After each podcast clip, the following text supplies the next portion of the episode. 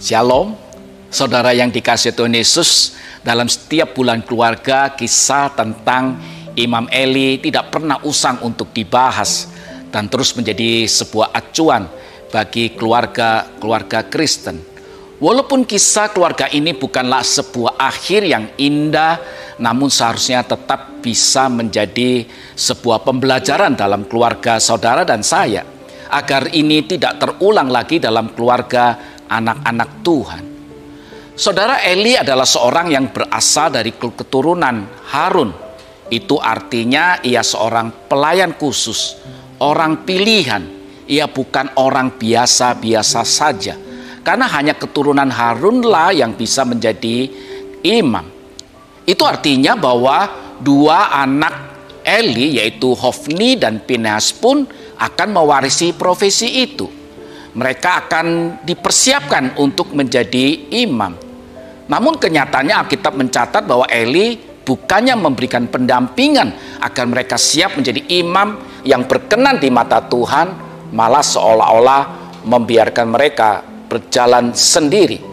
Itu terlihat dari apa yang dikisahkan Alkitab dalam 1 Samuel pasal 2 tentang kelakuan dan kejahatan mereka terhadap umat Israel, terhadap korban persembahan yang diberikan untuk Tuhan di mesbah korban. Mereka tidak menjadikan jabatan itu sebagai sesuatu yang mulia, sebagai sebuah anugerah Allah, tetapi memanfaatkan jabatan itu untuk ego mereka. Itu tercatat dalam 1 Samuel pasal 2 ayat 14 dan ayat 16. Mereka mencuri bagian yang seharusnya dipersembahkan untuk Tuhan. Mereka seharusnya menjadi teladan, tetapi mereka tidak melakukan itu. Dan itu tandanya bahwa mereka tidak pernah mau bertobat dan berubah.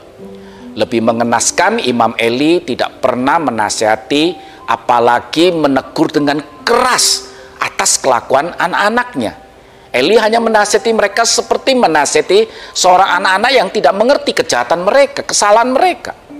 Padahal menurut hukum Taurat di dalam ulangan pasal 21 ayat 18 sampai 21 semestinya Eli membawa ke mereka ke depan tua-tua Israel mengadukan kejahatan mereka.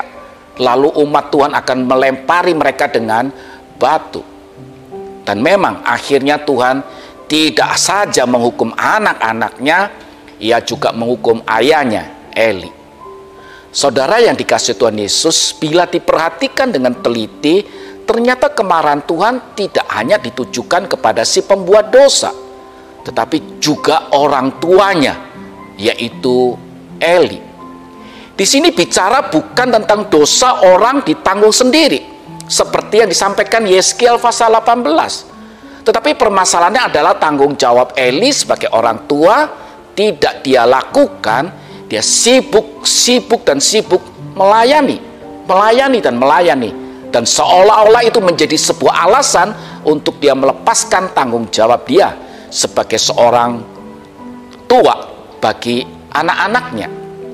Saudara anak-anak Imam Eli hidup dan tumbuh di dalam lingkungan keagamaan yang kuat.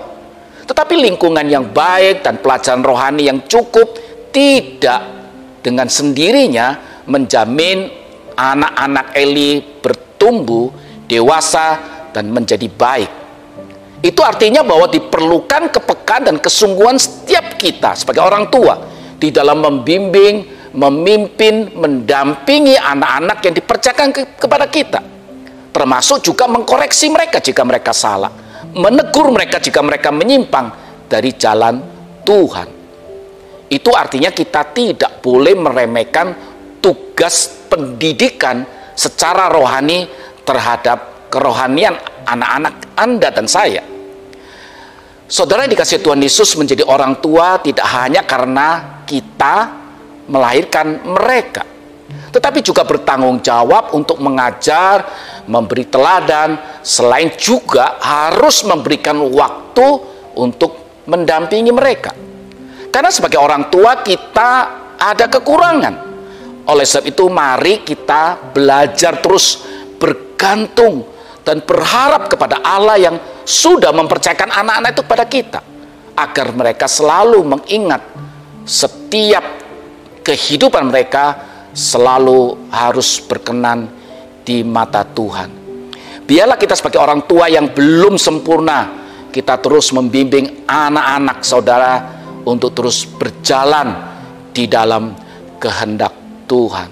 Kiranya Tuhan Yesus memberkati setiap keluarga Anda supaya hari lepas hari makin Tuhan pakai anak-anak Anda menjadi berkat dan kemuliaan Tuhan boleh nyata di dalam hidup mereka. Tuhan Yesus memberkati setiap kita. Amin.